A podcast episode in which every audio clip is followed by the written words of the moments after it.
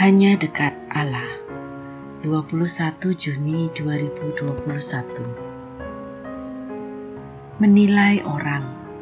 Amsal 27 ayat 21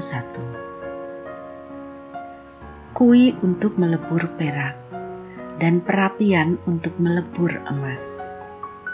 Dan orang dinilai menurut pujian yang diberikan kepadanya Amsal ini bicara soal nilai diri.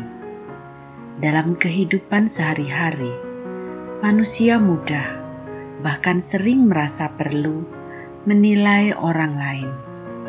Entah kenapa, mungkin karena dia merasa lebih tinggi posisinya, atau dengan memberi nilai kepada orang lain, dia bisa memperlihatkan bahwa dia berkuasa memberi nilai.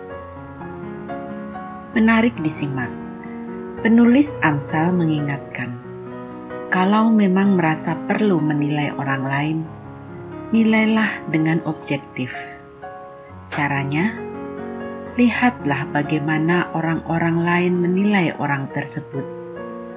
Dengan cara begini, kita akan terhindar dari subjektivisme. Kita juga ditolong untuk tidak menilai seseorang berdasarkan satu sisi saja. Lebih menarik disimak dalam Alkitab Bahasa Indonesia masa kini tertera. Emas dan perak diuji dalam perapian.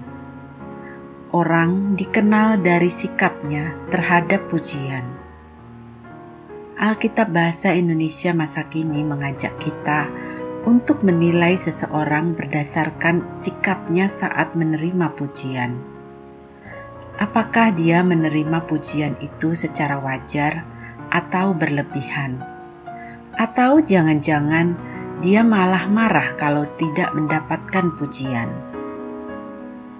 Dari sikap yang ditunjukkan, kita bisa menilai kualitas orang tersebut. Tentu saja, kita juga perlu hati-hati dengan penilaian kita sendiri.